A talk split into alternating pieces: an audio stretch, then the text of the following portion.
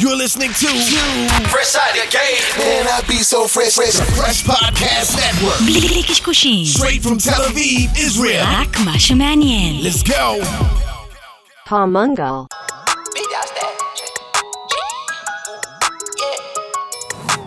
Big dog status, I'm a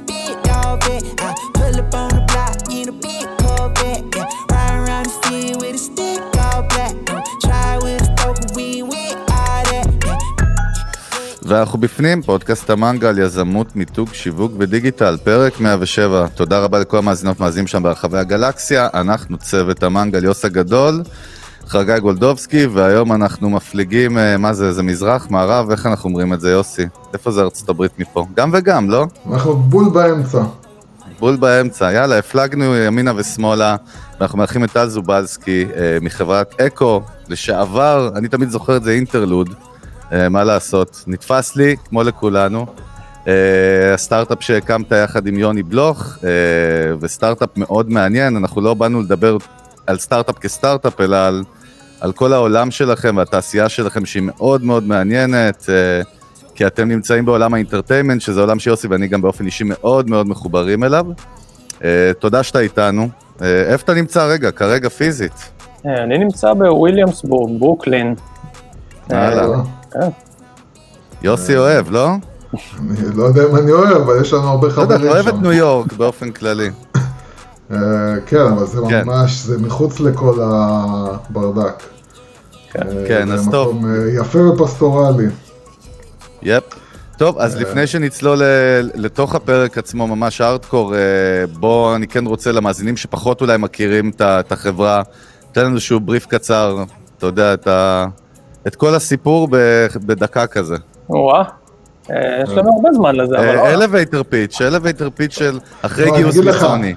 שתבין, זה לא העניין של הזמן, זה אנחנו פשוט אה, אוהבים פה אה, כמה שיותר, מהר- כמה שיותר לתת ערך ותובנות, אז אנחנו קופצים כמה שיותר מהר לתוך המים תכלס, אז בגלל כן. זה ההתחלות אצלנו הן קצרות.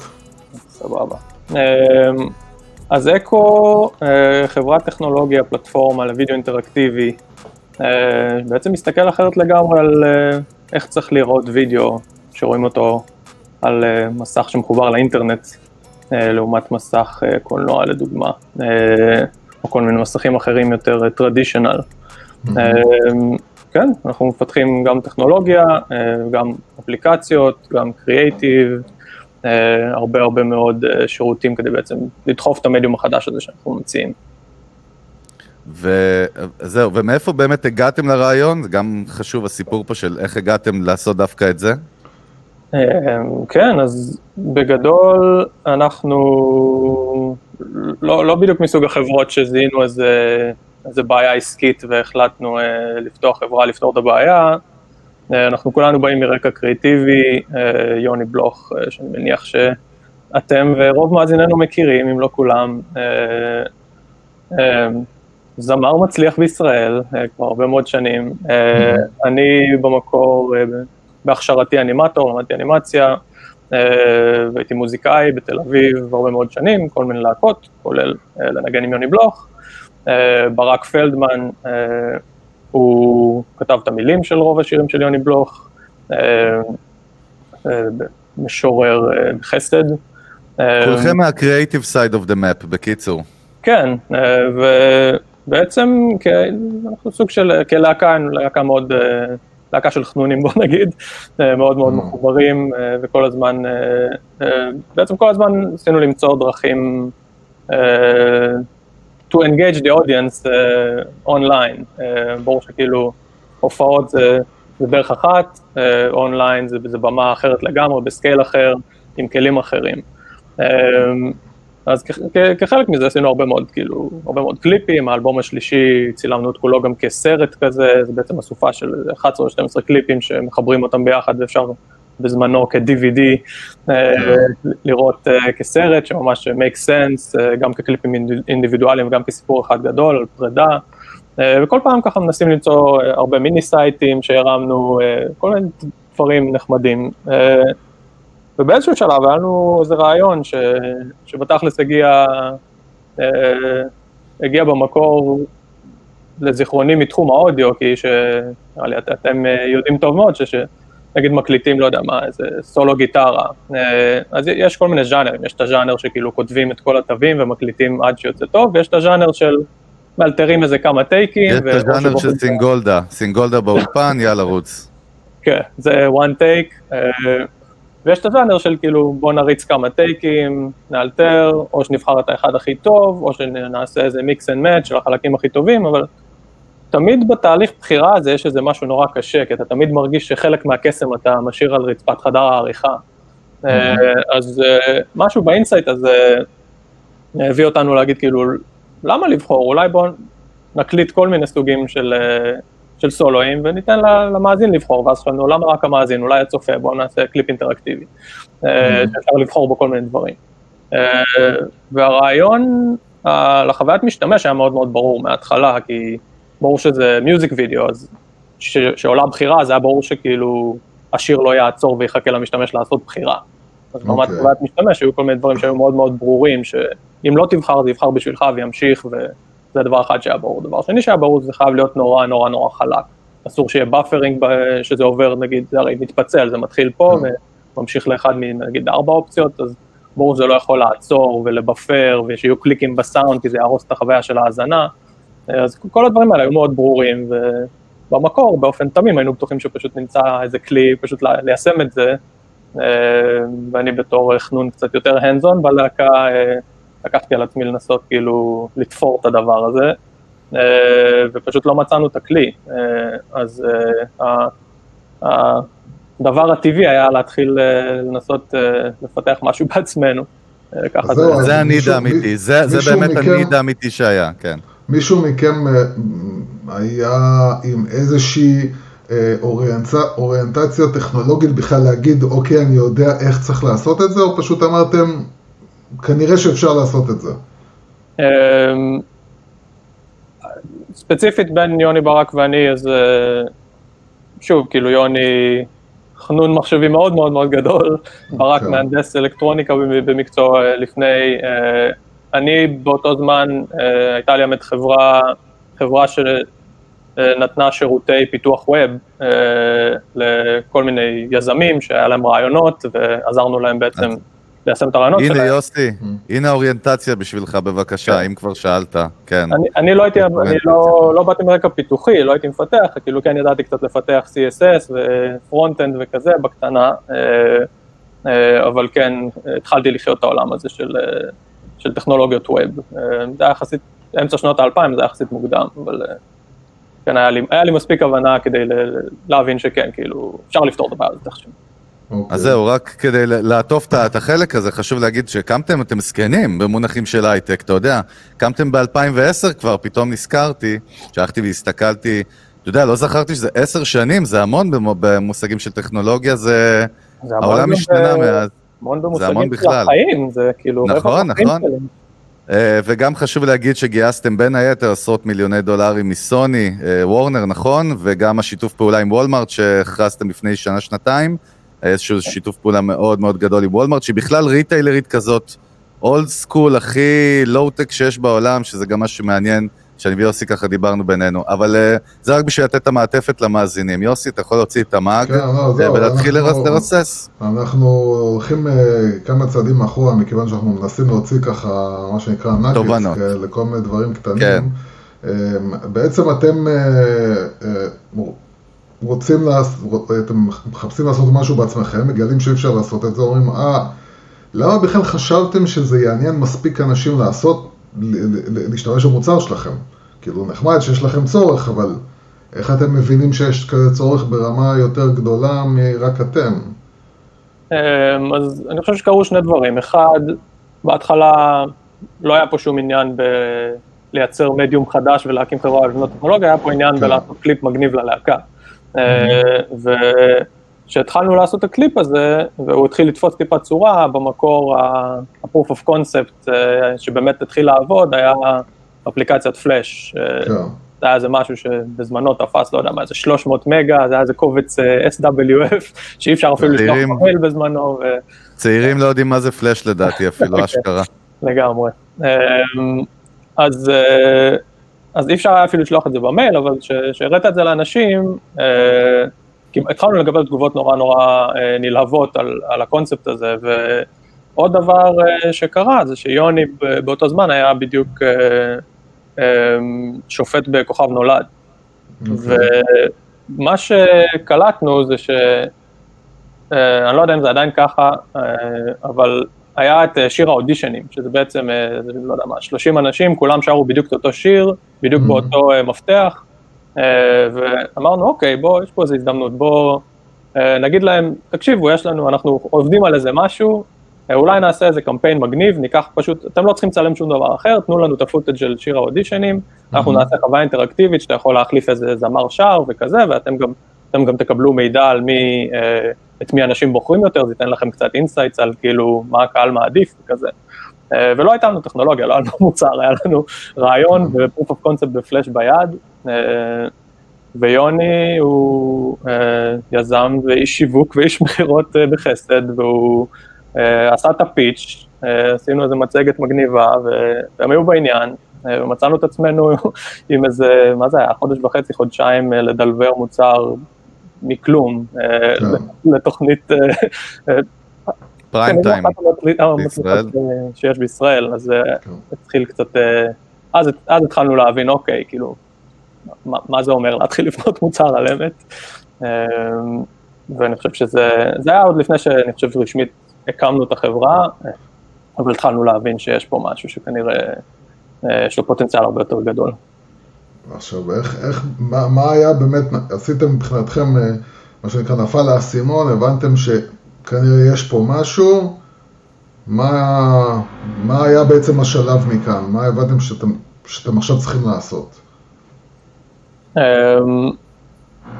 אז באמת ספציפית במקרה הזה היינו פשוט צריכים לדלבר מוצר, אה, היינו צריכים לעשות את, ה, את המינימום שצריך כדי שזה ייראה מספיק טוב, יעבוד מספיק טוב, אה, לא כן. יישבר, אה, יהיה scalability to some degree, זה לא היה בטלוויזיה עצמה, אז לא היה לזה את אותו רייטינג שיש לתוכנית עצמה, זה ברור, אבל כאילו גם לאתר היו הרבה צפיות, אז היינו צריכים להתכונן למשהו שלא בדיוק ידענו מה זה אומר. אני מדבר, אתה מדבר כרגע על, ה, על הסיפור שלכם עם, עם התוכנית, אני מדבר כאילו, עברתם את התוכנית, עשיתם, הבנתם, עכשיו, אתם מבינים שצריך להקים חברה ולעשות פה סטארט-אפ בעצם, איך אתם, אה, מה שנקרא, מתחילים להתגלגל עם זה?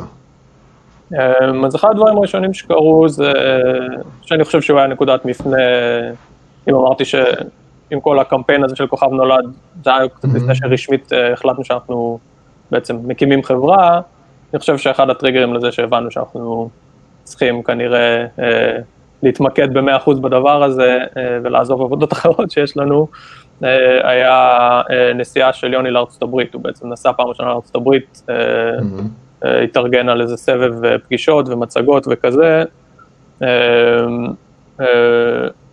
וכשהוא חזר אז בעצם הוא אמר, טוב, כאילו, לא נראה לי זה איזה פארט-טיים גיג, נראה לי, נראה לי שיש הזדמנות שאנחנו צריכים... אני אומר, זה, זה חשוב להגיד שכולכם באמת כאילו באים מה industry וזה, אבל זה, יוני בלוך היה מוזיקאי פעיל, חשוב להבין, אני חושב בשיא שלו, נכון? כאילו בישראל, זה לא שזה, אתה יודע, הוא היה 30 שנה יגאל בשן כזה, או איזה, לא, לא, כאילו, חס ושלום, לא בקטע רע, בקטע מדהים, כאילו, או איזה מישהו שהוא כבר עבר את השיא, מישהו שהוא היה בשיא של השיא של השיא שלו, הוא פשוט החליט לעזוב את זה, עד כדי כך הוא האמין במוצר, או שמה הפידבק שגרם לכם, אני אנסה גם להבין עם יוסי ביחד, להבין, אוקיי, אנחנו מוותרים על הדברים האחרים שהם קיימים, זה איזשהו vision שהוא בכלל שום דבר כרגע.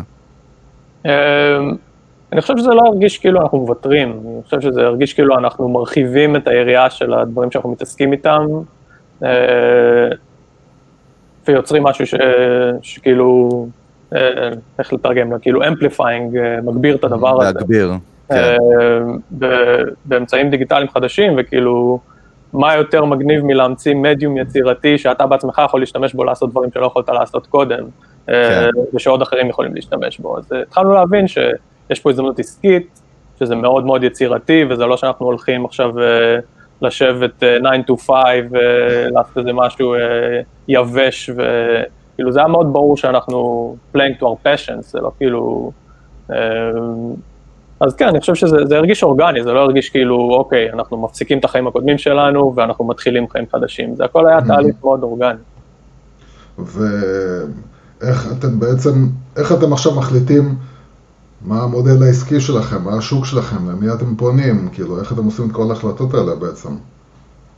אמ, אז גם פה אני חושב שזה היה תהליך אה, מאוד ארוך, אגב עד היום, אה, כן. הכל משתנה כל הזמן, אה, העולם משתנה ואתה צריך to adapt, וטכנולוגיות משתנות, ומגפות קורות, וכל מיני דברים שמשפיעים על איך חברות צריכות להתנהל, ואיזה החלטות אסטרטגיות צריכים לקבל. אז אני חושב שזה מאוד השתנה בשנים הראשונות, אני לא יודע איך אתם רוצים בדיוק לעשות את זה, אבל כאילו באמת, היו כמה גלגולי חיים, אני חושב, לחברה. כן. והמודל העסקי השתנה בהתאם אה, לגלגולי החיים האלה. אז זהו, אז, אז מה שמעניין הוא יותר uh, להבין uh, איך, איך, אתה יודע, שינויים זה דבר ש...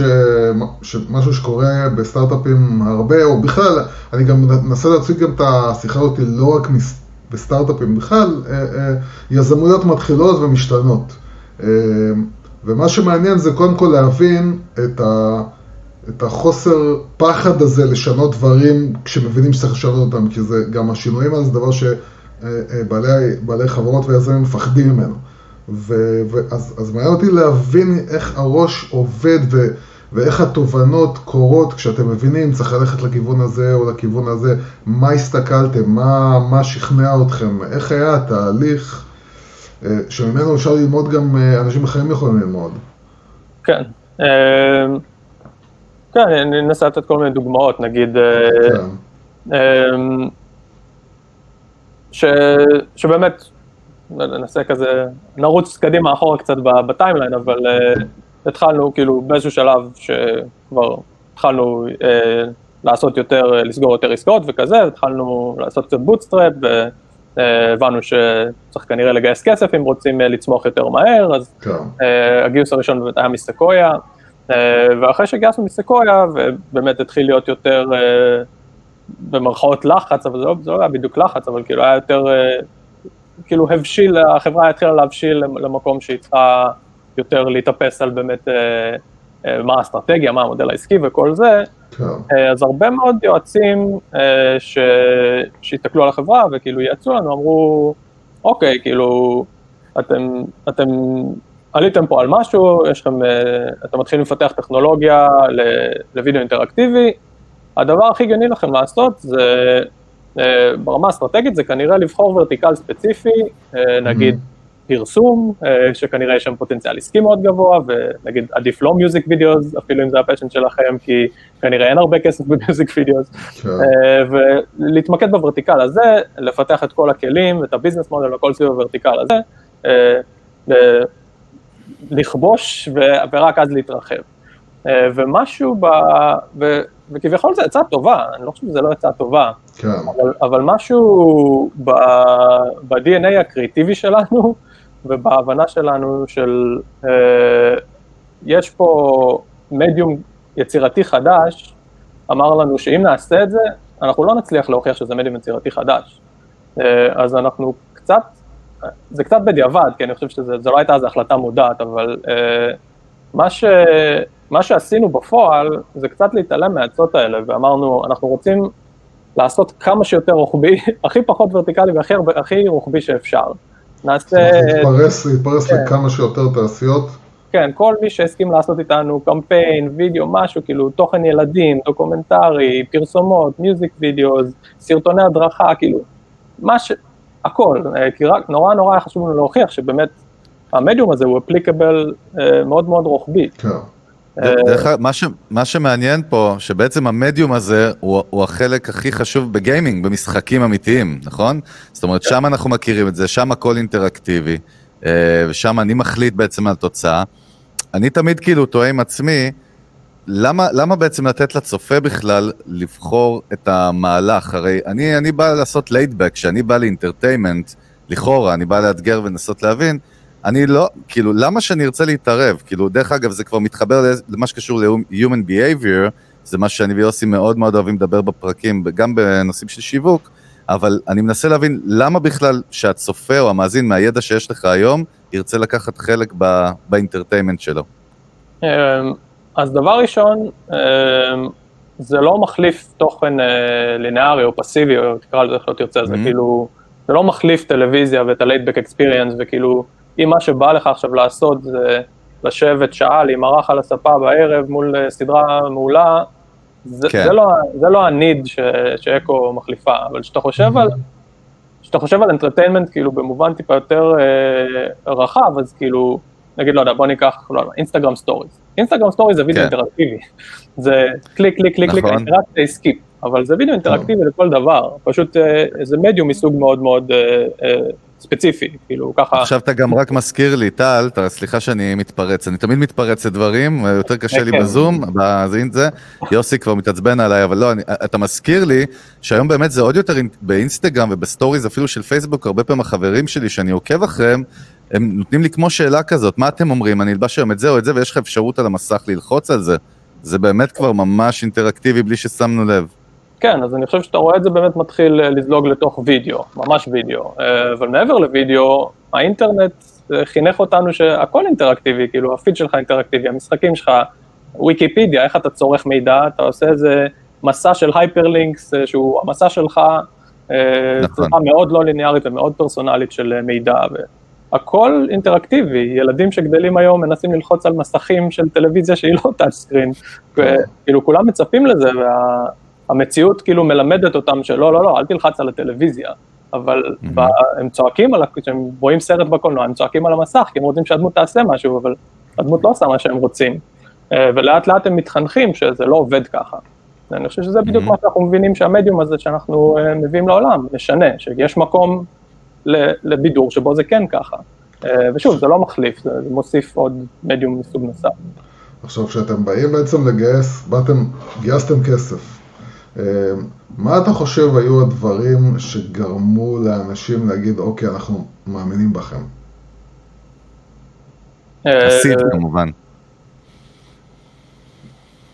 בגיוס הראשון, כן, ודאי ש... אני- פחות לא? התמקדתי ב- בגיוס הראשון, אני יותר, אה, אה, אני מבין שאם אתם כבר מגיעים למצב שבו אתם אה, מכניסים והלקוחות ואתם מראים כאילו תוצאות, זה פחות אה, מה שנקרא, זה לא, לא, לא פייר. אז, אז הפייר הוא באמת בשלבים הראשונים, אבל, אבל מעניין אותי באמת להבין אה, בעיניים של מישהו שהולך לגייס כסף, אה, מהניסיון שלכם, מה אתם הרגשתם שוואלה, זה מה שגרם לאנשים בעצם להאמין בנו, להאמין. לנו כסף. כן. בגדול אני חושב שכל הקלישאות אה, די נכונות, כאילו אנשים, כן. כאילו משקיעים משקיעים באנשים דבר ראשון, אה, והחיבור האישי עם המשקיעים, אה, במקרה שלנו יוני, ברק ואני טיפוסים קצת יותר אינטרוברטס מה שנקרא, כן. יוני הוא, ה, הוא הפנים החוצה והוא הוא, הוא באמת, הוא מדהים בזה, הוא, והוא מדהים בזה כי, כי הוא- זה לא, זה לא מזויף, זה כאילו, זה באמת, אה, הוא מבין שככה זה עובד, כאילו, ה, ה, זה הכל קשרים אישיים בסופו של דבר, אה, וזה לא, זה לא הסיילס פיץ', הסיילס פיץ' ה- הסופר סופר מפונפן, זה נורא נורא חשוב שיהיה סיילס פיץ' טוב ושיהיו מצגות יפות, וזה נורא חשוב, אבל אם אתה לא מדבר בסופו של דבר מפשן אמיתי, מהמם. אה, ויודע לדבר מחוץ למצגת על, על, על, על, ה, על מה שמניע אותך ומה שמניע את הצוות, אז בסופו של דבר זה, זה לא עובד, כאילו, אה, אה, בגלל זה אני חושב שזה זה ש... כמו שאמרתי קודם, לא התחלנו מאיזה בעיה עסקית וכזה, כאילו, המון חברות מעולות אה, התחילו ככה, לא. אה, אבל לא, עדיין אבל- כולם מאוד מאוד passionate לגבי הבעיה שהם מנסים לפתור. אבל אני אגיד לך, יוסי, אני אאתגר עוד יותר את השאלה שאלת את טל. הרי אתם גייסתם בעצם את ה funding הראשוני מסיקויה, נכון? כן. עכשיו, סיק, סיקויה, בוא, זה לא שתי חבר'ה שעשו כסף משווארמה והם עכשיו משקיעים בהייטק. זה אחת הקרנות, אם לא הקרן העולמית הכי, כאילו, חשובה, משמעותית, בעלת השפעה, לא יודע מה, כאילו, איך, איך דווקא, אני מנסה להבין כמה חבר'ה באמת סופר מגניבים, היפסטרים מתל אביב, מוזיקאים מדליקים של אינדי, חצי אינדי רוק, באים לש... מה, איך, איך, אחי, איך זה קורה? תכניס אותנו, אני לא מבין.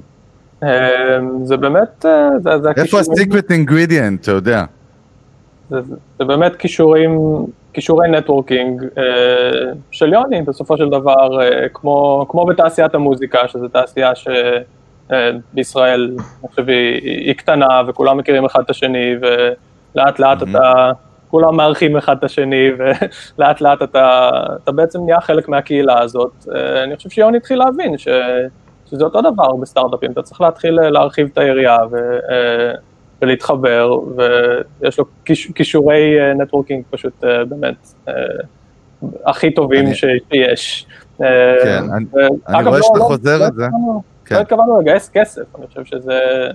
אנחנו מה, במקרה כאילו... עברתם שם והביאו לכם צ'ק? מה זאת אומרת? לא, זה כאילו אנחנו עשינו bootstrap בעצם, התחלנו לסגור עסקאות כן. אה, יחסית קטנות, כאילו נגיד אחרי שעשינו את כוכב נולד, יוני היה בארצות הברית, סגרנו עסקה לאיזה music video, הפקה אה, גדולה בארצות הברית, אה, זה היה כאילו הדיל השני שסגרנו, זה גם היה music video, אבל בסדר גודל אחר, ו Old Navy היו הספונסרים וזה, והיה כאילו, זה התחיל להיות כאילו business יותר רציני. ו... וזה היה בסדר לנו, שוב, אנחנו, אף אחד מאיתנו לא היה יזם אה, מנוסה, אה, לא ידענו שכדי לצמוח ככה צריך לגייס כסף, הרגשנו שאנחנו עושים מה שהגיוני, ושלסגור עסקאות, ונמשיך לסגור, ולסגור יותר, והסכומים כן. יגדלו. אה, ובאיזשהו שלב, אה, אה, יוני איכשהו הגיע ל... אה, אני חושב שזה אה, מנכ"ל ארנסטין יאנג, אה, אם אני זוכר נכון, אני לא זוכר בדיוק מה הטייטל שלו, אבל יורם טיץ, שהוא אה, אה, חבר, חבר מאוד טוב של, של אקו ואינטרלוד, והוא בעצם קצת לימד אותנו, יפה, אתם עושים bootstrapping, that's one way, יש עוד דרך, ושיש לך מישהו כזה ש, שמייעץ לך, אז, ה, אז המרחק לפגישות היכרות עם סקויה מצטמצם. זהו, מה שכנע אתכם בעצם בכלל שאתם, שאתם באמת רוצים כסף? זאת אומרת, מה... למה הבנתם שאתם רוצים לתת חלק מהחברה שלכם למישהו תמורה לכסף? למה באמת לא להמשיך ככה בדרך הזאת של לסגור עוד עסקה ועוד עסקה ועוד עסקה? מה היה אה, make sense כאילו שלכם? אני חושב שזה ההזדמנות כאילו להאיץ את הקצב גדילה. Mm-hmm. זה נהיה כאילו שאתה מתחיל ללמוד על האופציה הזאת ולהבין, ולהבין אוקיי, כאילו אם יהיה לי איקס כסף, לעומת אם אני אסגור קצת עסקאות, אוקיי, אז וואלה, אני יכול לסגור פתאום איקס מפתחים, ואני יכול, כאילו, אתה מתחיל לעשות את החשבון, ולפעמים אתה צריך שמישהו יגיד לך את הדברים האלה, כדי שכאילו זה לא, לא בא טבעי, בטח שלא ליזמים לא מנוסים. אמ, ו, ולשמחתנו מצאנו את האנשים ש, שבאמת עזרו לנו, כמו יורם, ו... אה, כן, זה, it starts to make sense, וזה מרגיש לך פתאום הדבר הנכון לעשות. אה, שזה באמת הוכיח את עצמו בסופו של דבר, אה, הגיוס הראשון מסקויה, mm-hmm. זה, זה הנקודה שבאמת הפכנו לחברה. זה היה ב-2011, למרות שהתחלנו כאילו ב-2010, כאילו גם הקליפ, הקליפ הראשון הזה בארצות הברית, זה היה עסקה מסוף 2010, הקליפ שלנו היה אפילו לפני, אה, אבל שבאמת הפכנו לחברה, משרדים, להתחיל לזכור אנשים כמו שצריך וכזה, זה באמת היה בעקבות הגיוס הראשון מסקויה, זה מה שאפשר את זה. אז בוא, בגלל שאנחנו רוצים אצלו, אה, יוסי, יש לך עוד שאלה? לא משנה. לא, אני רוצה לשאול, לא, לא, לא, לא. אני אגיד לך, זה לא שאלה טובה. אני שולט פה, אז אני מוריד אותך. אתה לא יכול להרביץ לי היום, אני לא לידך. אני יכול להשתיק אותך. תראה, טל באמצע שומר עליי ממך. אה, כן. אה, הנה, אינטראקטיבי, תרביץ לו עכשיו.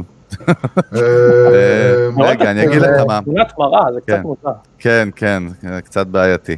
אה, בגלל שאנחנו באמת מדברים על ערך ומשהו שכל אחד יכול לבוא ולקחת מהמאזינים שלנו בסוף, אני רוצה כן לנסות להתחיל להיכנס איתך לאיזשהו רביטול של באמת אי אפשר, לא נספיק לדבר שעות על כל הפעילות שלכם ועל הכל, אבל כן, דרך נקודות מיילסטונים שלכם בעשייה, הניסיון שלך, אני רוצה שניגע בכמה נקודות שהמאזינים שלנו בין אם זה CMOs, בין אם זה יזמים או ביזנס אונרס, אה, יכולים לקבל. וקודם כל, הדבר שהכי מעניין להבין, זה אתם נמצאים עשר שנים בשוק שהוא משתנה בצורה מטורללת, לא מטורפת, משוגעת לחלוטין, בלי הפסקה. ויכול להיות שכשבאתם לסיקויה ב-2010, שזה ב, כאילו לפני 160 אלף שנה כזה, אה, וידאו אינטראקטיבי, מגניב, זה, נעשה את זה ונעשה את זה.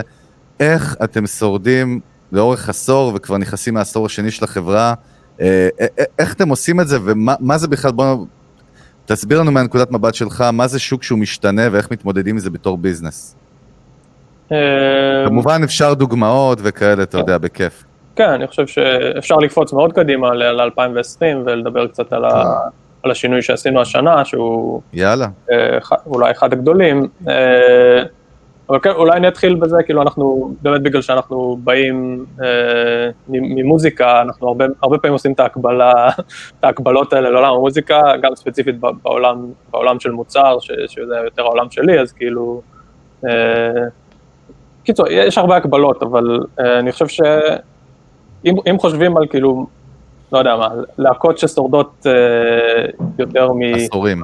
כן, כאילו כל ה... כאילו זה, זה, בון דבר... ג'ובי, נו, אה, יש רק אחד.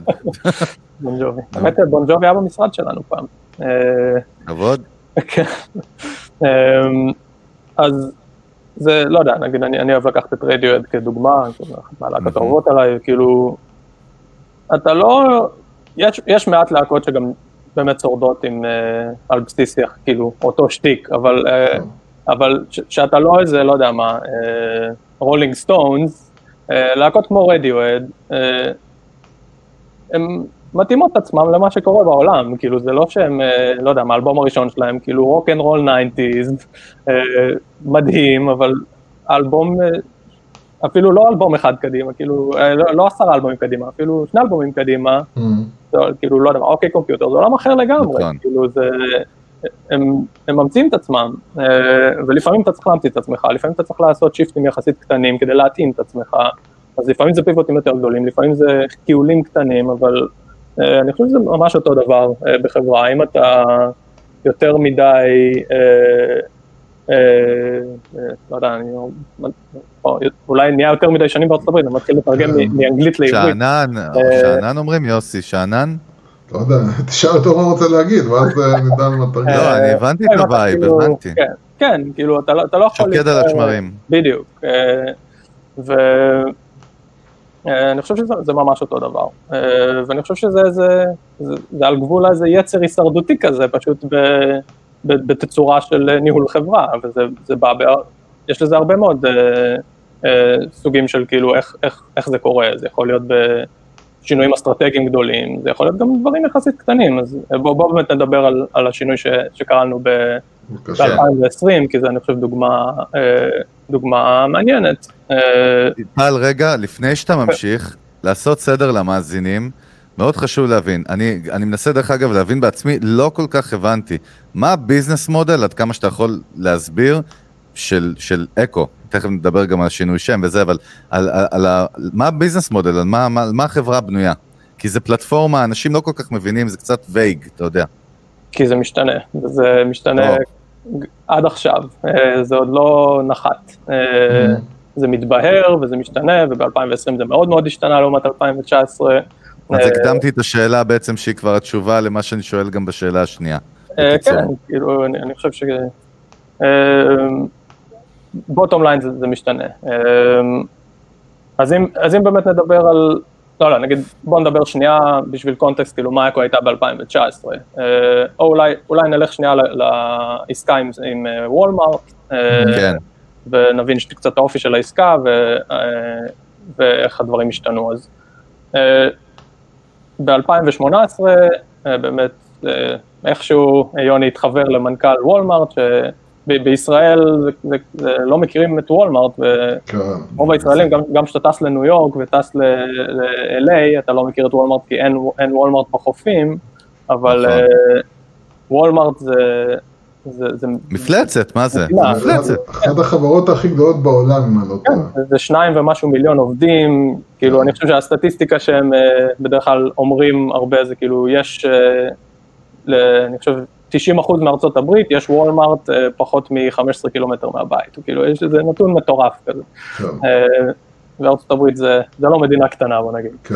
אה, אז, אז לא כל כך הבנו מה הקשר בין אקו לוולמארט, ובהתחלה אני אמר כאילו למה, למה, מה, מה יש לי לפגוש, כאילו, אבל אז אמרו לי יוני, תשמע, כאילו, מנכ"ל וולמארט, בוא, בוא תקדיש שעה, שעה, שעתיים מזמנך לפגוש את הבן אדם, רע לא יכול לצאת מזה. אה, ובאמת הם התחברו ברמה האישית, ו, אה, ובעצם מה, מה ש... כאילו, נלך שנייה קדימה, לקח הרבה מאוד זמן לסגור את העסקה, אבל בסופו של דבר, העסקה שנסגרה זה עסקה של אה, יותר מ-250 מיליון דולר, אה, זה, לא, זה לא עסקת השקעה באקו, זה בעצם כמו, אפשר לחשוב על זה כמו... partnership, לא? כן, כמו קרן, קרן, קרן יצירת תוכן, 250 מיליון דולר לייצר תוכן על הפלטפורמה של אקו. אה, שהרווחים מהתוכן הזה אה, מתחלקים בין אקו לוולמרט, זה בעצם... אה, שמה המטרה של וולמרט בעצם פה? מה, למה הם ראו צורך לעשות את הדבר הזה? אוקיי, אז פה, פה מתחילים להיכנס גם כאילו בדיוק לנקודה של מה, איפה נמצא עולם הבידור, מה התפקיד של חברות ריטל בעולם הבידור. אז נגיד, בוא נסתכל על אמזון לשנייה. אמזון, לפני לא זוכר כמה שנים, אבל כבר לא מעט שנים, התחילו את אמזון פריים וידאו, והתחילו לייצר סדרות, ולמה לאמזון לייצר סדרות, כאילו הרבה מאוד אנשים שאלו את השאלה הזאת, ויש איזה ציטוט איפשהו של ג'ף ביזוס, אומר כאילו, לזכות באמי או באוסקר על, על uh, תוכן של פריים וידאו, מתרגם באופן ישיר ללמכור נעליים באמזון דוט קום. אז זה הכל לייצר איזה אקו סיסטם ולתת ערך, ל, ערך לצרכנים, שהוא יותר מרק בוא תחפש מוצר ותקנה, אלא סל שירותים הרבה הרבה יותר גדול. אה, ובאמת אה, אמזון נלחמים במלחמות הבידור של, ה, של, ה, של הנטפליקס, כן? יש את נטפליקס, עכשיו כולם נמצאים שם, כן? כאילו אפל טיווי, כולם משקיעים אה, מיליארדי דולרים בשנה בלייצר תוכן מקורי ולהילחם כן. על הזמן של הצופים, זמן הבידור של הצופים. אפרופו מה שדיברנו קודם, על כאילו אתה רוצה לשבת uh, שעה בערב ולצפות במשהו, הרבה הרבה מאוד חברות נלחמות על הזמן הזה שלך ומשקיעות הרבה הרבה מאוד כסף אה, בהפקות בסדרי גודל שקשה לדמיין. וולמארט הבינו שהם יכולים, הם, יש להם את הכסף, הם יכולים להיכנס למלחמה הזאת גם אם הם רוצים, אבל משהו בקשר עם אקו ובהבנה של מה אנחנו מנסים לעשות, גרמה להם להבין שיש פה הזדמנות לעשות משהו אחר לגמרי. במקום להיכנס ראש בראש בכל הנטפליקסים אה, של העולם, אה, לבוא לתחום הבידור מזווית אחרת לגמרי, כאילו בהפוכה ולהגיד אנחנו לא אה, נלחמים במלחמה הזאת, אנחנו עומדים מאחורי יצירת מדיום חדש לגמרי שהרבה יותר מודרני, אינוביישן, בקיצור, יכול, מבחינתם. יכול גם להתחבר, להתחבר בצורה שיחסית קל לדמיין אה, לקומרס, אה, וזה לא רק בידור לשם הבידור, אה, בעצם, וככה זה התחיל, וב-2019 באמת כאילו, אז, אז העסקה הראשונה, באמת האופי שלה היה, מה שאקו הייתה צריכה לעשות בעסקה הראשונה זה להתחיל להפיק המון המון סדרות אינטראקטיביות, ו-to monetize them. רגע, שאתה אומר טל להפיק, אתה חשוב, אני מנסה להבין, מילה מאוד רחבה. מה זה להפיק? להפיק מה? איזה תוכן? אתם, אתם כאילו שולטים בתוכן, או איך זה עובד? כן, אז אה, דבר ראשון, אנחנו לא, לא חברת הפקה, כן? אנחנו מעולם לא היינו, כאילו, אה, לגייס כסף מסקויה זה לא לבנות חברת הפקה, זה לבנות סטארט-אפ טכנולוגי. בדיוק. אה, אז המודל שלנו, לא תמיד, אבל כמעט תמיד היה, אה, אנחנו אה, מחנכים ותומכים בחברות חיצוניות, אה, מלמדים אותם להשתמש בפלטפורמה שלנו כדי להפיק תוכן אינטראקטיבי עם הפלטפורמה של אקו. ובעצם העסקה הזאת עם וולמרט, ה-250 מיליון דולר האלה, זה, זה היה בעצם כמו שיש קרן קולנוע, זה, זה היה קרן יצירת תוכן, כאילו קרן שאנחנו mm-hmm. okay. לוקחים את הכסף הזה, אנחנו נהיים כמו סטודיו, אנחנו מוצאים מקבלים pitch ים מכל מיני יוצרים אה, לסדרות אינטראקטיביות, בסופו של דבר אנחנו בוחרים pitch ים, עושים greenlight לסדרות, היינו כמו, כמו סטודיו, עם הרבה הקבלות לסטודיו טלוויזיה, אה, שבעצם אה, מייצר אה, קטלוג סדרות, אה, ובסופו של דבר לוקחים מה, מהכסף הזה, לוקחים, נותנים לשותפי הפקה, לכו לצלם, אה, להפיק, לערוך, להשתמש באקו סטודיו, אה, אנחנו תומכים בהם בכל התהליך, כי יש המון המון ללמוד, שזה נושא שאפשר לדבר רק עליו כמה שעות טובות, אה, איך בכלל לחשוב אינטראקטיבית ולא לינארית. זה, זה באמת התפקיד של אקו, זה בעצם לתמוך ב... בשוק שצריך לייצר מדיום שהוא לא ייצר. זה לא פשוט כזה, כי זה להתערב בתסריט בכל לר שלו בתכלס. כן, זה מאוד מאוד לא פשוט, זה אחד האתגרים הגדולים ברמה הקריאיטיבית. אז בסופו של דבר זה היה המודל העסקי אה, שאליו נכנסנו עם, עם וולמארט. אה, יצירת תוכן, פרסום על התוכן, גם לנו, יש לנו גישה אה, ייחודית לפרסום, אנחנו לא פשוט לוקחים איזה אד סרבר ופרוגרמטיק וזורקים על התוכן פרי רולים, כאילו יש לנו, שוב, חלק מהאמת שלנו והערכים שלנו, זה בעצם חוויית המשתמש באה לפני הכל, והאינטראקטיביות הזאת שאנחנו מביאים לתוכן, אנחנו רוצים להביא אותה גם לפרסום, גם פרסום יכול להיות, אה, יכולים להסתכל עליו אחרת, ושוב, זה יוצר לנו עוד אתגרים, אה, לא, בוא נגיד, לא בחרנו בדרך קלה, אבל אה, אז זה היה המודל העסקי, לייצר תוכן, לשווק אותו, לייצר שירות, תכלס כמו שירות סטרימינג כזה, עם סדרות מגניבות, לעשות גם distribution לסדרות האלה בשירותים אחרים, אה, אה, ו- אה, to monetize ולחלוק את ה... ובעצם הרווחים מתחלקים בין וולמארט לאקו, ליוצרים, וזה כזה בגדול המודל העסקי. כן, אז אני מחזיר אותך באמת לשאלה שהייתה בעצם, מה היה הפיבוט הזה, או השינוי, או השוק שהשתנה, ואיך התמודדתם איתו? מעולה, אז, אז כמה דברים קרו, אני חושב, במעבר הזה בין 2019 ל-2020.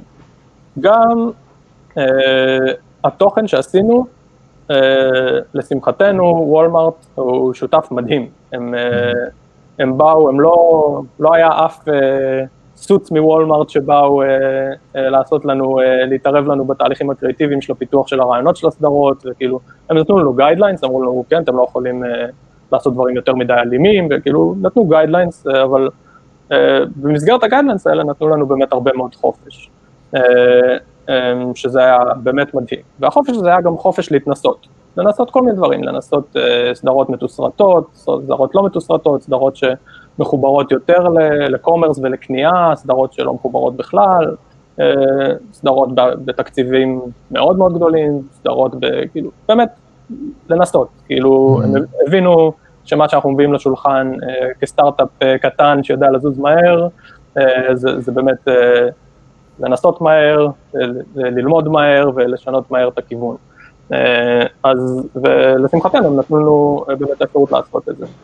אה, ומה שהתחלנו לעשות המון סדרות, לשווק, לשווק סדרות, אירועים, אירועי השקה ב-LA, רד קרפט סטייל וכזה, ניסינו להבין הכל.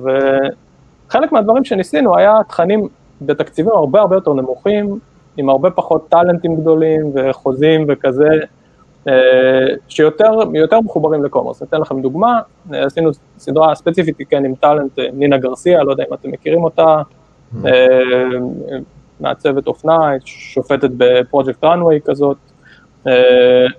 אז סדרה שהיא מנחה, שבעצם זה כמו משחקון כזה, שאתה מקבל תקציב וירטואלי, נגיד אומרים לך, יש לך 200 דולר תקציב, בוא תנסה לייצר את הלוק הכי מגניב לדוגמן או הדוגמנית הזאת, אה, אתה עושה כל מיני בחירות, אה, אם אתה רוצה mm-hmm. את התיק הזה ב-80 דולר, או את הנעליים האלה ב-20 דולר, ואתה עושה כל מיני בחירות ומתאים איזה לוק, ואתה צריך לעמוד בתקציב, ובסוף, אה, כשאתה מגיע ללוק שלך במסגרת התקציב, אז נינה גרסיה כאילו, היא מבקרת אופנה, היא מבקרת את הלוק. זה היה סדרה נורא נורא מגניבה, זה קצר, כל פרק היה איזה דקה. איפה זה משודר דרך אגב? לא הבנתי עד עכשיו. לאן זה הולך? גם שחררנו את זה. אה, כן, ב social, באפליקציה שלנו, שקידמנו אליה, עשינו כל מיני אה, שיתופי distribution, אה, הפצה עם כל מיני, לא זוכר מי לקח את זה, היו כל מיני שותפי הפצה שלקחו את זה okay. אוקיי. שלהם. ויש לנו, יש לנו דרך כזה לראות, יש לנו כזה user feedback, mm-hmm. כזה מודול של user feedback בנגן שלנו, שאנשים יכולים לכתוב פידבק, לדרג את החוויה שלהם ופשוט להגיד מה הם חושבים. אה, והתחלנו לראות מלא מלא אנשים כאילו, אה, אני רוצה אבל לקנות את השמלה הזאת, כאילו, כן. ולא היה שום אפשרות, כאילו, אתה רואה שבן אדם... זה לא הניע לשם, זאת אומרת, זה לא היה מכוון להניע למטרה הזאת. כן, באנו יותר מזווית של בידור וכאילו gamification של... מעניין. ולמרות שכאילו עשינו את זה עם וולמארט, שזה כאילו no brainer לחשוב על זה, כאילו, לא באנו לזה משם, כי לא בדיוק ככה נסגרה העסקה במקור, וכאילו, זה היה כזה פשוט, אה, לא, זה לא, זה לא אה, עוצב להיות החוויה מהסוג הזה. אבל ראינו, זה נגיד דוגמה ספציפית, ראינו את זה בעוד כל מיני דוגמאות. אה,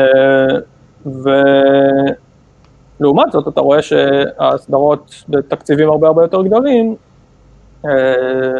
הרבה יותר קשה גם למכור עליהם לא פרסום. ממירות, כאילו, אין עליהם ROI תיאורטית. אז, אז של... זה, כן, פלוס מינוס, כאילו, יש איתם אתגרים uh, של user acquisition ו, uh, ש, ש, ושל sales, וכאילו, אפשר, you can make it work, אבל זה ב scale הרבה יותר גדול, וכאילו צריך מספרים הרבה יותר גדולים, ואתה מתחיל, אתה מתחיל להבין את, uh, את מודלי ה subscription, ואת נטפליקס וכל זה, כי בעצם זה, זה נהיה uh, חשבון במספרים אחרים לגמרי, uh, שפחות uh, היה מקום, גם 250 מיליון דולר זה סכום מטורף של כסף, אבל אה, שוב, כשאתה מסתכל על, לא יודע מה, 15 מיליארד דולר שנטפליקס משקיעים כן. בתוכן בשנה, הפקות. אה, לא נעים לי להגיד, קוויבי. קוויבי. קוויבי אה, כן, עזוב. דרך אגב, יש לאקו סיפור עם קוויבי, יוסי, אני לא יודע אם אתה יודע. לא, אנחנו אנחנו מדברים, ואנחנו מדברים בתוך לא, כדי כי זה, אנחנו כאילו כל הזמן קראנו אני להם את חושב על הצורה קוויבי. פה. יוסי כן. ניבא את העתיד שלהם, תדע לך טל, באמת. זכותו ייאמר. לפני חודשים, היה לנו באחד הפרקים לפני זה, 40 פרקים, כן. הוא אמר הדבר הזה is going down, כאילו, והיה לנו ויכוח על זה, וואלה, הוא צדק, ואני פתאום קראתי שהיה לכם גם איזה בלאגן איתם, לא יודע, כן. פחות אה, רלוונטי כרגע, אבל, כן. או שכן, אה, אבל הם לא כאילו, קיימים. לא, אני, אני מנסה, אני באמת אה, נורא נורא חשוב לי שהשיחה הזאת יהיו ממנה, אה, כמו שאמרנו, יהיו ממנה הבנות. תובנות. אה, ותובנות, ובגלל זה חשוב לנו שהסיפור באמת, הסיפורים שאנחנו מספרים יהיו עם, עם ערך. כן, אני אני מקווה. אה, ת- תעזרו לי. רגע, אז כן, אה, אני עוזר לך. טל, בסוף הרי כל השאלה שוב הייתה, בעצם סיפרת מה השתנה, מה קרה ב-2019-2020, וכאילו מה השינוי הגדול, איזשהו אתגר שאתם עומדים בפניו, או עמדתם, ואיך התמודדתם איתו כחברה. אה, אז באמת ראינו שכל מיני סוגים של תוכן, או סוגים שונים של מוצרים, בואו נקרא לזה, אה, עובדים אה, בצורות מאוד שונות, והמודלים סביבם נהיים מאוד שונים, והסוג של החיבור לוולמארט, שהשותף שלנו במקרה הזה, אה, אה, נה- נהיה פתאום הרבה יותר הגיוני. אה, לכל זה אתה מתחיל לצרף את זה שאנשים מתחילים להיכנס לבידוד ודברים מוזרים מתחילים לקרות לקראת סוף פברואר ו... ובעצם מה שהחלטנו, שזו החלטה מאוד מודעת, זה שאנחנו צריכים לשנות את כל ה... אה, את כל ה... זה הקונספט דרך של... שבה חשבתם על זה? אה, גם הדרך שבה חשבנו על זה, גם המוצרים שאנחנו מייצרים, אה, והכי קשה זה התנאים של השיתוף פעולה עם וולמארט, עדיין חברת Mhm. ענק, חוזה שלקח לדעתי יותר משנה לסגור, בתנאים מאוד מאוד ספציפיים. אה, רגע, טל, זה חשוב להבין בשאלה, אני מנסה גם להבין, ברגע שסגרתם איתם, עזבתם את כל ה scope ים האחרים? איך זה עבד? השקעתם את כל האנרגיות בשת"פ הזה? אה, לא, לא את כל, אבל obviously פוקוס מאוד גדול. אה, אני חושב שמה ש... עוד אחד, שזה עוד אחד מהדברים שלמדנו ושינינו ממש ב- ברמת איך החברה בנויה, שינינו את המבנה הארגוני בדיוק בשביל לפתור את הבעיה הזאת שעכשיו אה, דיברת עליה. אה, ש... אבל זה קצת קופץ מנושא לנושא. כן, כן.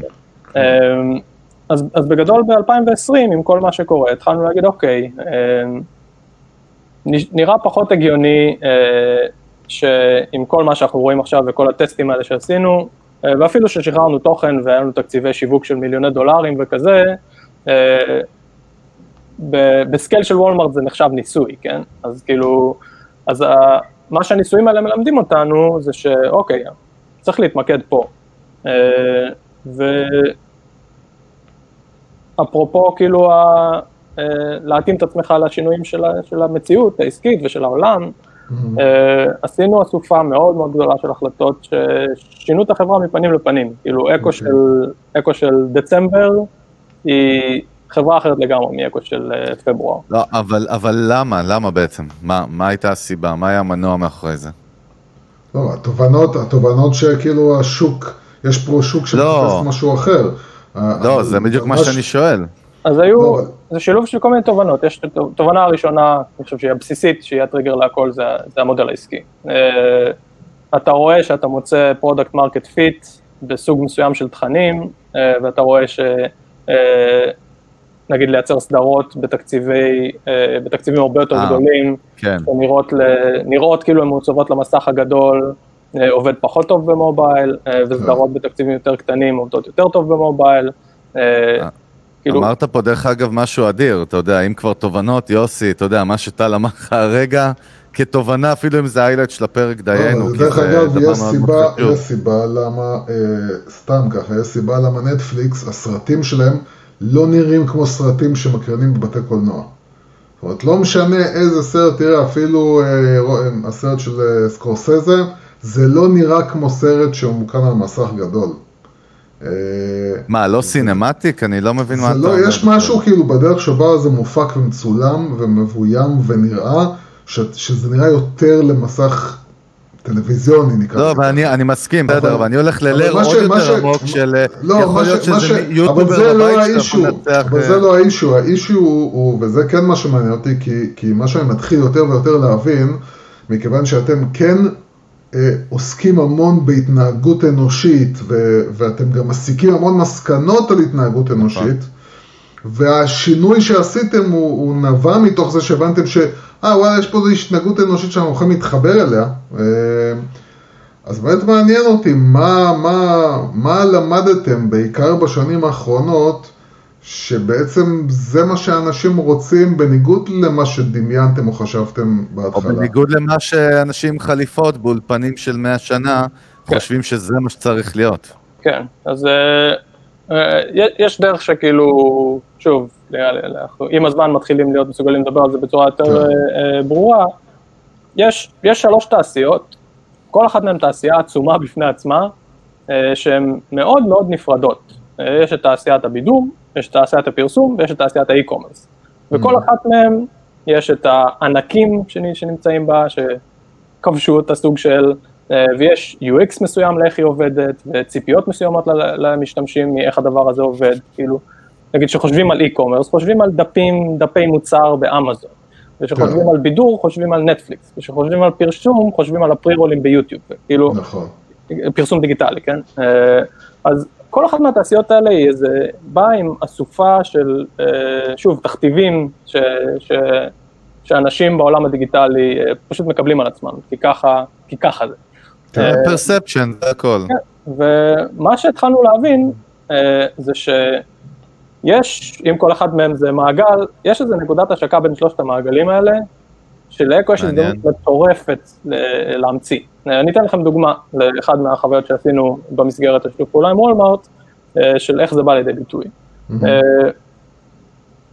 זה, זה היה סוג של קמפיין לחגים, אה, החוויה היא, יש, אתה, יש איזה ילד מחוץ לאיזה מפעל גדול, אה, כמו כזה Willy Wonka and Chocolate Factory style, הוא אומר, בואו תיכנסו, אני רוצה להראות לכם משהו, ונכנסים באיזה מסדרון, ואתה מגיע, וזה זה, אה, מפעל צעצועים מטורף, כזה הכי מגניב בעולם, והילד הזה מסתכל עליך ואומר לך, אה, אני חייב את העזרה שלך, אנחנו צריכים לבדוק כמה שיותר צעצועים לקראת החגים, אתה צריך לעזור לי להבין מה, אה, מה אתה אוהב, בוא תשחק עם צעצועים, תעשה להם unboxing, תעשה זה.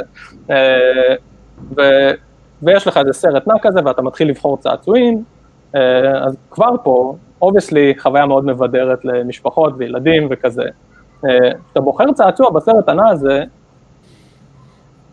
לך לא אכפת אם, אה, מי ייצר את זה, לא יודע, מטל או האסברו, שתי חברות כן. יצרני צעצועים, אבל בחרת פרסומת, אבל אף אחד לא דחף לך לגרון פרסומת, אתה בחרת, כן. זה דבר שמעניין אותך.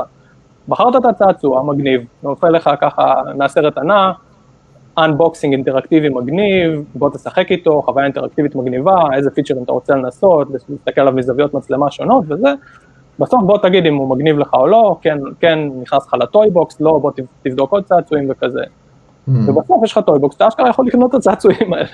אה, אז יש פה איזו חוויה שהיא ב- מבחינת הצרכן, היא חוויה אחת מאוד מאוד קוהרנטית ומגניבה, שהיא באמת שילוב אמיתי בין בידור ל commerce לפרסום, בצורה שהיא native, היא לא איזה הכלאה מעוותת ומוטנטית של התעשיות האלה.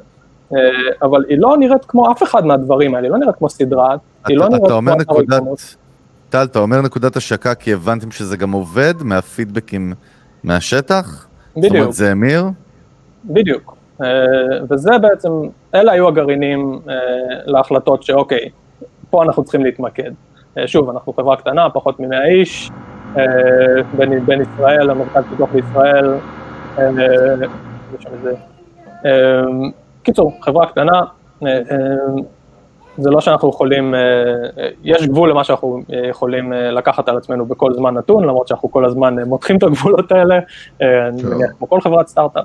אה, ומיקוד פשוט זה, זה חובה. אה, אז, אז כן, כשהתחלנו להבין את ההזדמנות הזאת ולהבין איך החוויות האלה עובדות הרבה יותר טוב מלנסות להילחם בכל אחת מהתעשיות הנפרדות האלה, אה, ואיך כמה טבעי החיבור עם וולמארט בנקודת השקה הזאת, אה, זה התחיל להיות אה, ממש כאילו, אוקיי, צריך לעשות את השינוי הזה ומהר. זהו, ומה מה באמת כאילו המחשבה שלכם, המסקנות שלכם, היום, אנחנו תמיד, אה, אה, אחד הדברים שאנחנו חוזרים עליו ואומרים זה בעצם הפרסום כפרסום זה דבר שהולך ומת וגוסס. לא ו- עובד, ככה אנחנו מגדירים את זה הדרך- באגרסיביות. הדרך, הדרך ל- אה, לפרסם או לשווק היא יותר על ידי תוכן. אורגני בעל ערך.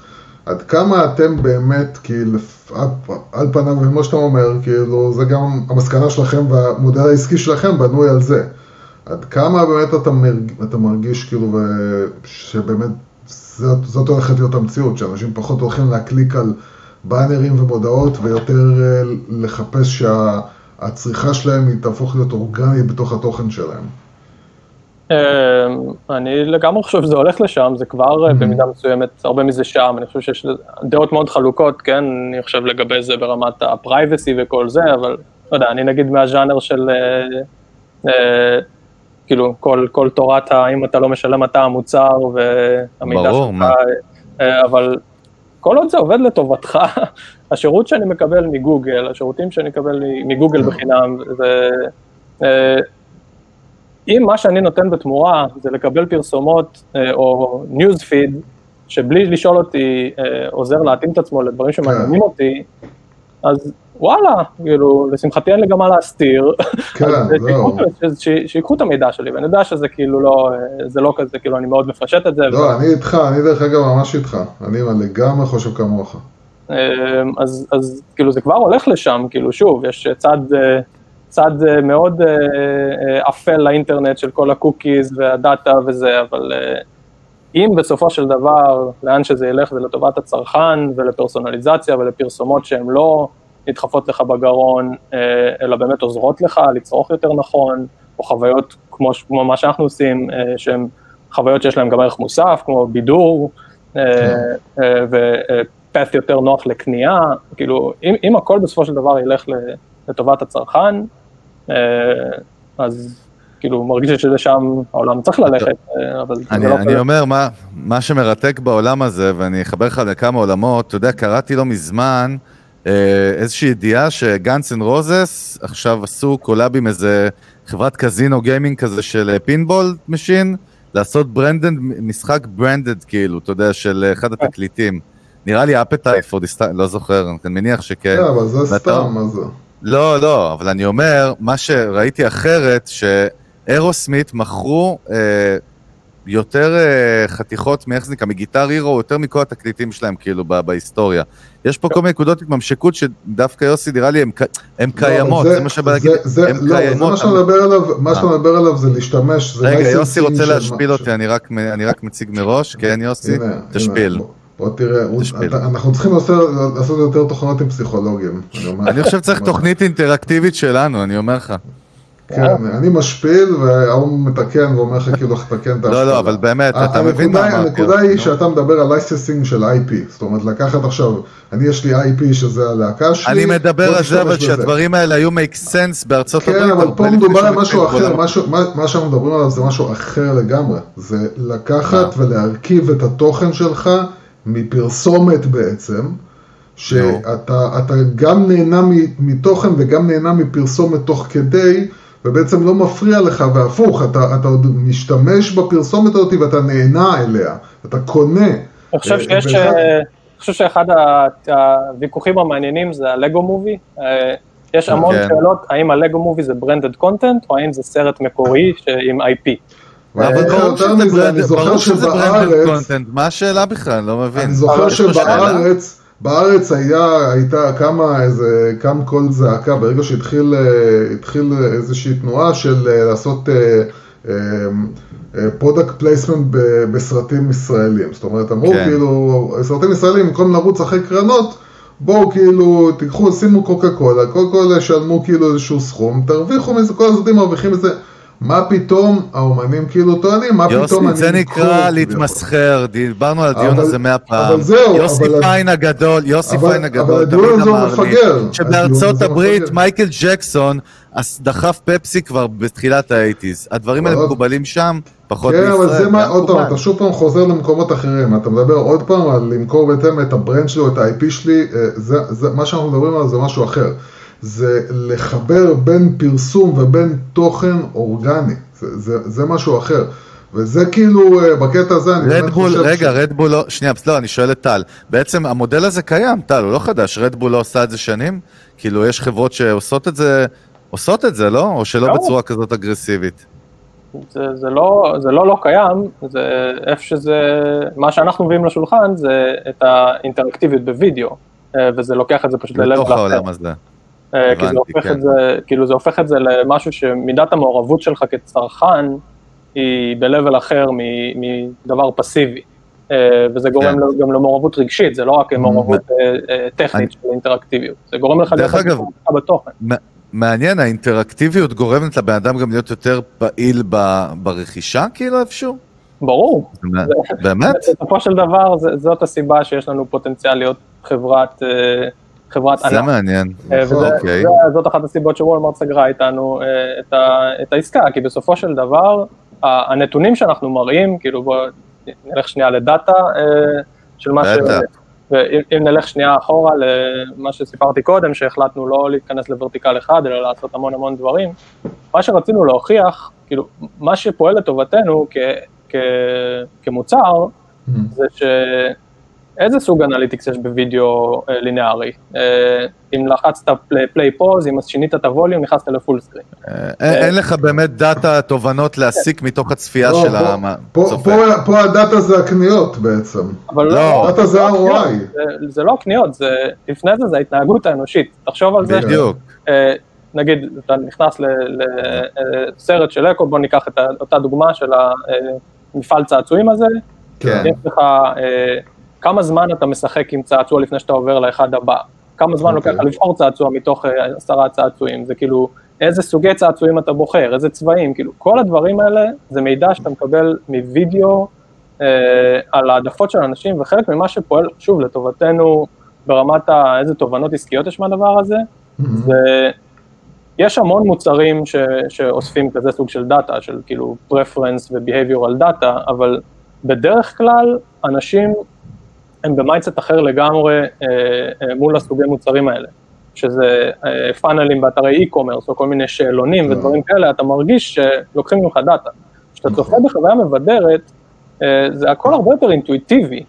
וגם- הרי, הרי אני בתור חברת צעצועים יכול לעשות את הצעצוע שלי בחמש צבעים שונים, לראות לאיזה צבע יותר מגיבים הצופים, ואז להבין שלשם אני צריך ללכת בייצור שלי גם.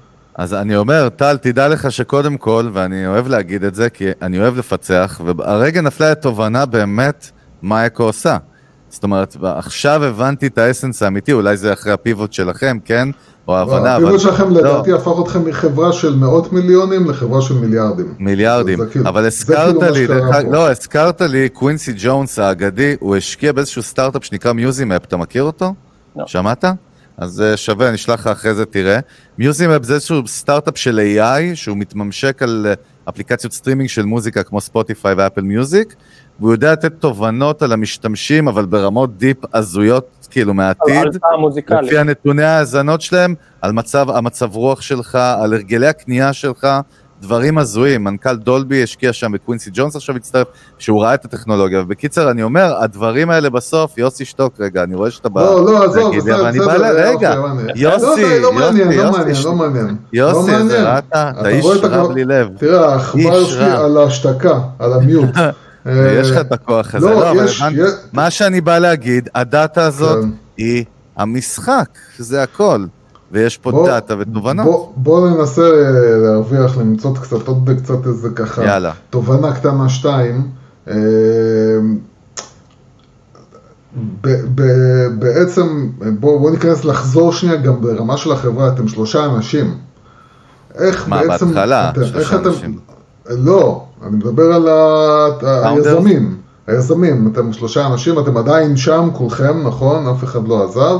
אה, איך אתם בעצם מתנהלים בין שלושה אנשים, שכל אחד מהם הוא בן אדם אחר ושונה, איך אתם בעצם הולכים לקחת את, את החברה ל, לכיוון אחד שלושה אנשים?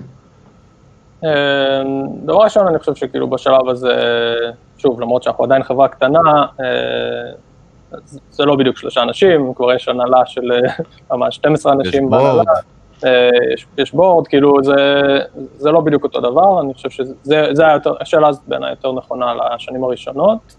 אה, אבל אה, בסופו של דבר, שוב, זה הכל דינמיקה בין אנשים, ואני חושב ששוב, ההקבלות ללהקה, אה, אם לא. הייתי מנגן עשר שנים עם יוני בלהקה לפני, וברק לא היה כותב לו 15 שנה שירים, אה, והפסיכולוג שלו, אה, אז לא היינו יכולים לה- לה- להקים חברה ביחד, זה הכל... מי אה, ה-CEO דרך אגב, היום? יוני, יוני, עכשיו יוני בארץ אני יודע, נכון? כרגע הוא בישראל. כן, עכשיו בישראל. אוקיי, ואיך זה עובד לנהל את החברה ברמוט, שבתכלס המרקט שלכם הוא בעצם ארצות הברית תיאורטית? או אה, רוב כן, הפעילות? כן, הרוב המוחלט של הפעילות ארצות הברית. עכשיו ספציפית נראה לי מה ש-2020 לימדה אותנו זה ש... אפשר להיות בתל אביב. כן, המיקום הפיזי הרבה הרבה פחות משמעותי, הטיימזונים עדיין משמעותיים, אבל אה, כן. יוני, יוני בתכלס אה, מתנהל בטיימזון של ניו יורק, אה, אה, הולך לישון מאוחר מאוד, אה, אבל פשוט החליט שככה אה, ככה הוא יתנהל, ו, אה, וזה עובד לגמרי סבבה, באמת עכשיו, שוב, מ- כאילו, נראה מה יקרה שהעולם אה, במרכאות יחזור. יחזור, אה. לקדמותו, הוא לא יחזור לאותה קדמותו, אה, אה, איך, איך זה ייראה, אה, נראה לי מוקדם לדעת, אני, אני, אני לא יודע, אני באופן אישי חושב שמוקדם להספיד את תרבות המשרדים, אני חושב שיהיה איזשהו mixed model, אה, אני מאוד מאוד מתגעגע למשרד אה, ולאנשים, ואין תחליף לשיחות מסדרון ול insight. כמו שאנחנו אוהבים להגיד במנגל, זה לא מגניב באמת לעבוד מהבית, עזוב אותך. כן, זה מאוד? אפקטיבי, יכול להיות מאוד מאוד אפקטיבי, אבל אה, יש. גבול, וצריך למצוא כן. איזון טוב. ואין מה לעשות, לשבת עם אנשים באותו חלל, אין לזה תחליף. אז שוב, הכל במידה, אבל ספציפית, אני חושב, לאפשר אה, לנהל כאילו, אני חושב שבגדול, מעבר לרק יוני, את כל השינוי של החברה, ושוב, עשינו, לא, לא ניכנס ליותר מדי מזה, אבל שינינו את החברה על פניה, אה, החל מפברואר עד, כאילו, עד היום, אבל נגיד השינוי הגדול לקח איזה חודשיים, שלושה, שינוי ארגוני, שינוי בתפקידים, שינוי בהתנהלויות פנימיות, כאילו, הכל ברימוט. אה, אז אם אפשר לעשות כזה דבר, אה, אז באמת הכל אפשרי, אה, ברמת הגמישות אה, של ארגון. ושוב, אנחנו עדיין מספיק קטנים כדי שכולם מכירים את אחד את השני בשמות, וזה מאוד כאילו manageable. ת, תגיד לי, ואז, אז, אז בעצם עכשיו, כל ה... בעצם נגיד פיצחתם את הנקודת התממשקות הזאת, נכון? ואז מה, מה, מה הכוונה שאתה אומר זה משנה את כל החברה? איך- משנים חברה? כאילו, מה זה, מה זה משנה? את מה? את האסטרטגיה, את, ה, את המעמדות, את התפקידים, את מה? את החטיבות, את מה? מחלקות, אה, בוא לא נגיד חטיבות, אמרתי, אהבתי, אמרת קטנים, all of the above, בוא נגיד. אה, כן, כאילו אפשר לקחת כל מיני דוגמאות, אני לא אכנס לפרטים של כאילו המבנה הארגוני, אבל ניקח לדוגמה, לא יודע מה, את, חברה, את אה, מחלקת הקריאיטיב וההפקה. כן. היה לנו מחלקה שלמה שהתנהלה כמו סטודיו, סטודיו טלוויזיה, לקחה פיצ'ים מיוצרים בהוליווד על סדרות, אה, חלקן מתוסרטות, חלקן לא, פרוססים שלמים של greenlight ו script reviews וזה, כאילו, כל הדבר הזה התהפך על פניו, כאילו עכשיו אנחנו Mm. מייצרים אפליקציות e-commerce עם וידאו, אנחנו לא מייצרים סדרות אינטראקטיביות עם... אה, אה, אז כל התהליך השתנה, הרבה מאוד חשיבה מוצרית, בוא נגיד כאילו, שוב, אני, אני מאוד מפשט את זה ל- to make a point, אבל אה, היינו חברה שמאוד מונעת אה, תוכן Mm. בהרבה מאוד שנים, נכון. וב-2020 עשינו מהלך אה, מאוד גדול להיות להיות חברה שיותר מונעת מוצר ודאטה. אה, כי, אה, כן, כאילו, אז יש לזה פשוט, זה מתחיל באסטרטגיה וזה מחלחל הכי למטה. זהו, זה, זה כאילו, אתם, אתם, אתם ממש כאילו הפכתם מחברה שבעצם העיסוק שלה זה קריאטיביות תוכן ולייצר תוכן, סטייל אה, סטודיו הוליוודי כביכול, ופתאום עכשיו אתם, אתם צריכים לייצר יותר טכנולוגיה, מה בעצם אתם צריכים יותר, מה, מה בעצם הפוקוס שלכם נהיה יותר? אה, אז בעצם איך שאנחנו מסתכלים על זה, יש לנו אה, אה, מוצרי, סוג של מוצרי commerce, commerce meets entertainment, עוד לא מצאנו לזה שם מספיק טוב, אולי אתם יכולים לעזור. איך אמרת, איך הגדרת את זה? אפילו לא הבנתי מה אמרת. כאילו, ה intersection הזה בין בידור ל commerce. טל, אתה חייב לחזור לארץ לבקר קצת בשביל להסתנכרן כן, כן. על זה, אתה יודע, לגמרי. בידור ומה זה commerce? אה, commerce לא אומרים commerce גם ב... e-commerce של, כן. וואי, רגע, אתגרת אותי, איך אומרים e-commerce בעברית? לא, קניות אונליין, זה נשמע סליזי ברמות. גם שופינג זה לא. קמעונאות. כן. קמעונאות, אה, קמעונאות זה וולמארט. אה, אלקטרונית, קמעונאות אלקטרונית. קמעונאות דיגיטלית. קיצור, אז אנחנו מייצרים אפליקציות ב vertical חדש, אנחנו ממציאים בעצמנו, וכרגע אנחנו מריצים אה, חמש אפליקציות, אה, ובעצם חלק מהשינוי הארגוני היה, אנחנו עכשיו עובדים במודל של פודים כזה, שזה אנשים ממחלקות שונות, מתרכזים כפוד, אה, לבנות אפליקציה, ובעצם מייצגים את כל, כל ה-practices שצריכים בשביל לבנות אפליקציה. מעניין, אה, בעצם כאילו אנשים, כאילו חברות יכולות להשתמש באפליקציה כ-white label בעצם לצרכים שלהם, זה הרעיון? אה, חברות מסחריות? כשאומר אפליקציה זה לא אפליקציה כאילו מבחינת אייקון בטלפון, כן. כאילו אפליקציה, כן, כן. יישום, כן. כן. אז נגיד, אחת מהאפליקציות האלה לדוגמה, זה וידאוים אינטראקטיביים לדפי מוצר. השקנו ממש לפני שבוע וחצי, השקנו 250 ראשונים לקראת אלף, לקראת עשרות אלפים בתקווה, אה, אבל קודם כל צריכים לראות את המספרים. אה, כשאתה נכנס, אה, אתה נכנס לדף מוצר בוולמרט.קום, במקום לראות קרוסל התמונות על לימבו לבן, כן.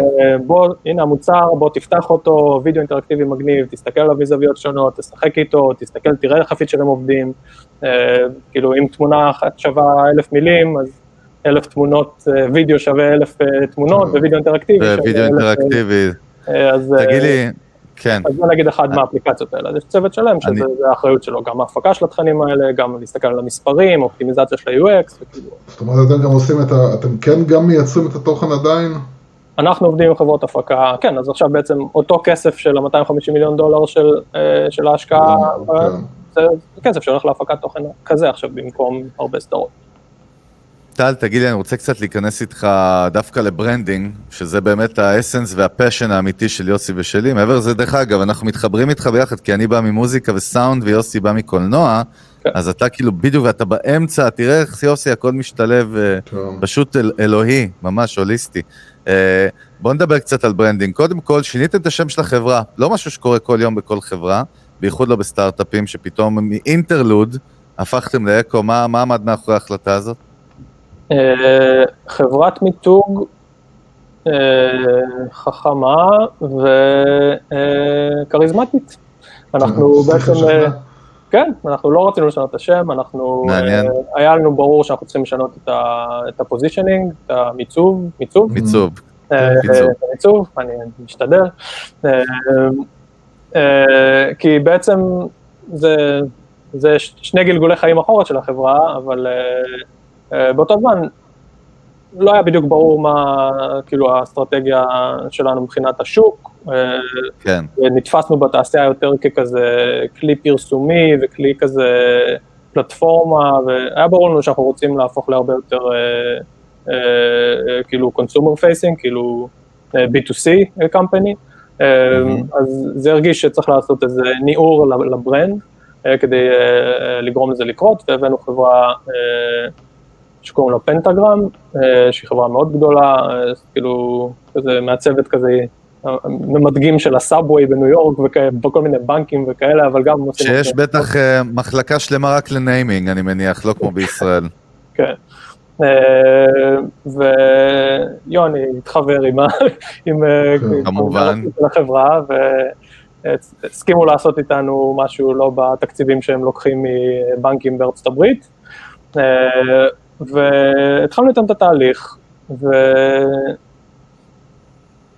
והם עשו לנו פיץ' של אה, כל מיני שמות אחרים לאקו, ובהתחלה אמרנו, לא, למה?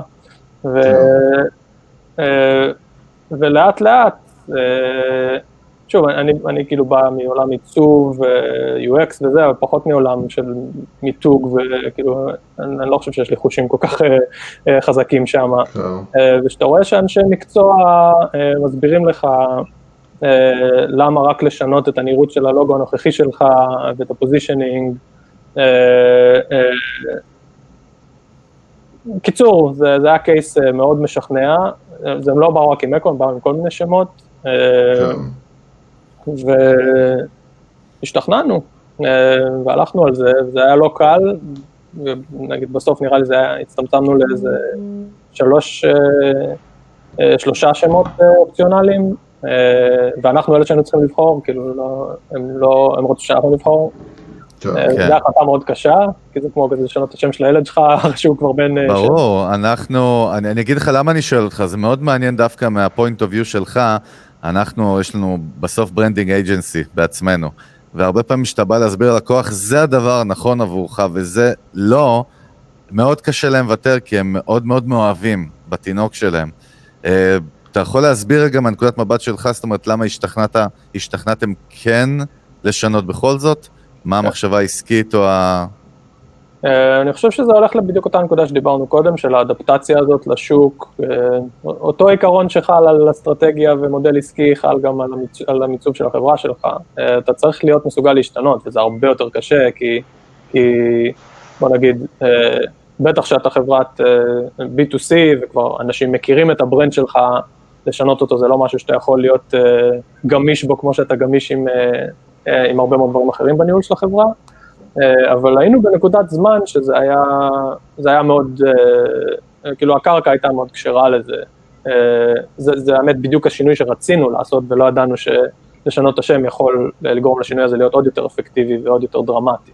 אה, אז בעצם, אה, שוב, קצת כמו דוגמאות אחרות, לא, לא ידענו שזה מה ש, שטוב לנו, אה, אבל היו את האנשים אה, אה, מספיק חכמים ומספיק משכנעים, אה, אני חושב שהשילוב הזה של יועצים טובים אה, ושלנו לא מאוהבים בשום דבר ומוכנים אה, להעמיד הכל בסימן שאלה, אה, בסופו של דבר הוביל החלטה שהיא מאוד נכונה בדיעבד.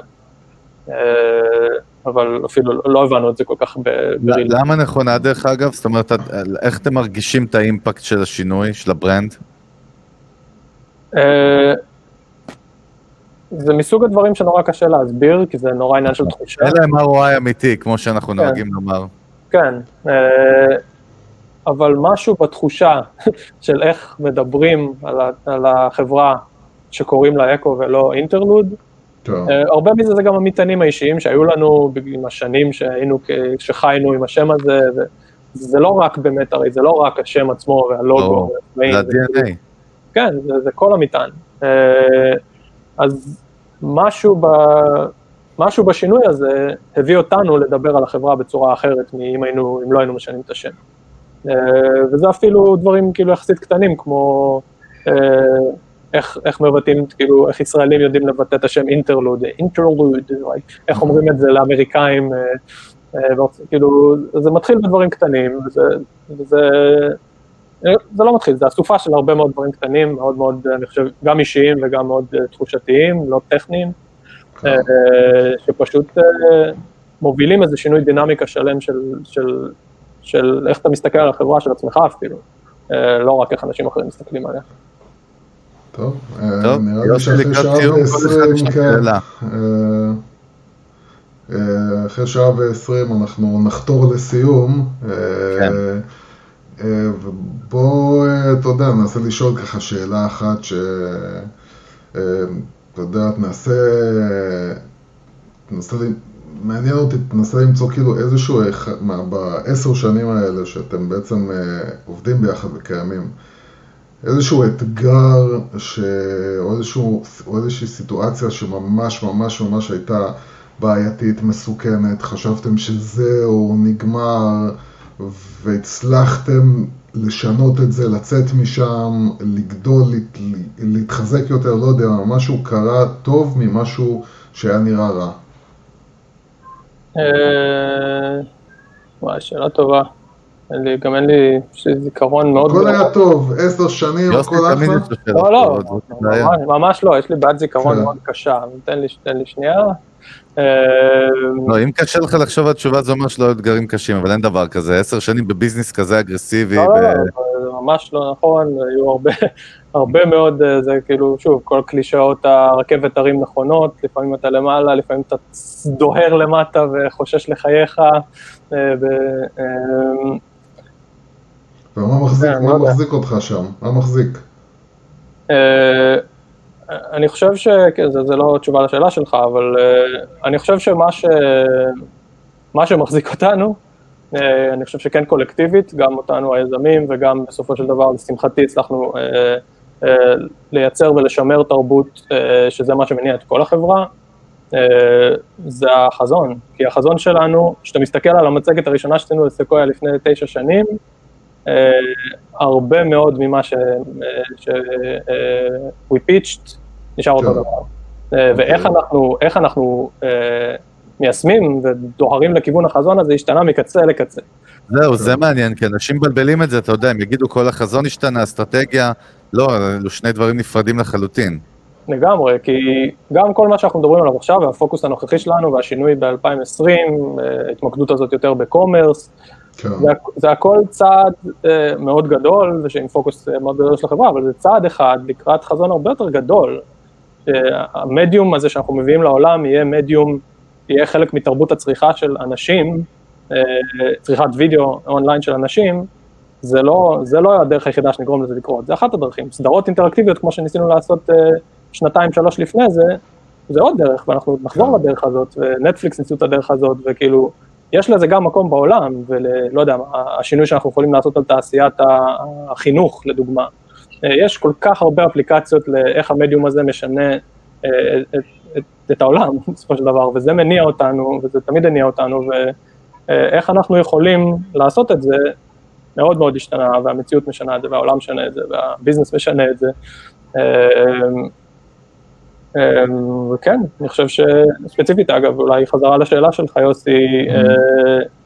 לפני הגיוס של וולמארט, אז היה לנו משבר זהות מאוד גדול, כאילו לא בדיוק הבנו מה, מה אנחנו כחברה, אה, והרנווי מתחיל להתקצר, אה, ועשינו בעצם מודל דומה, כאילו גייסנו קרנות תוכן, לא של 250 מיליון דולר, אבל של מיליונים בודדים מחברות כמו סוני ו-MGM כן. וסטודיואים, אה, כדי לייצר תכנים אינטראקטיביים בסקייל הרבה הרבה יותר קטן.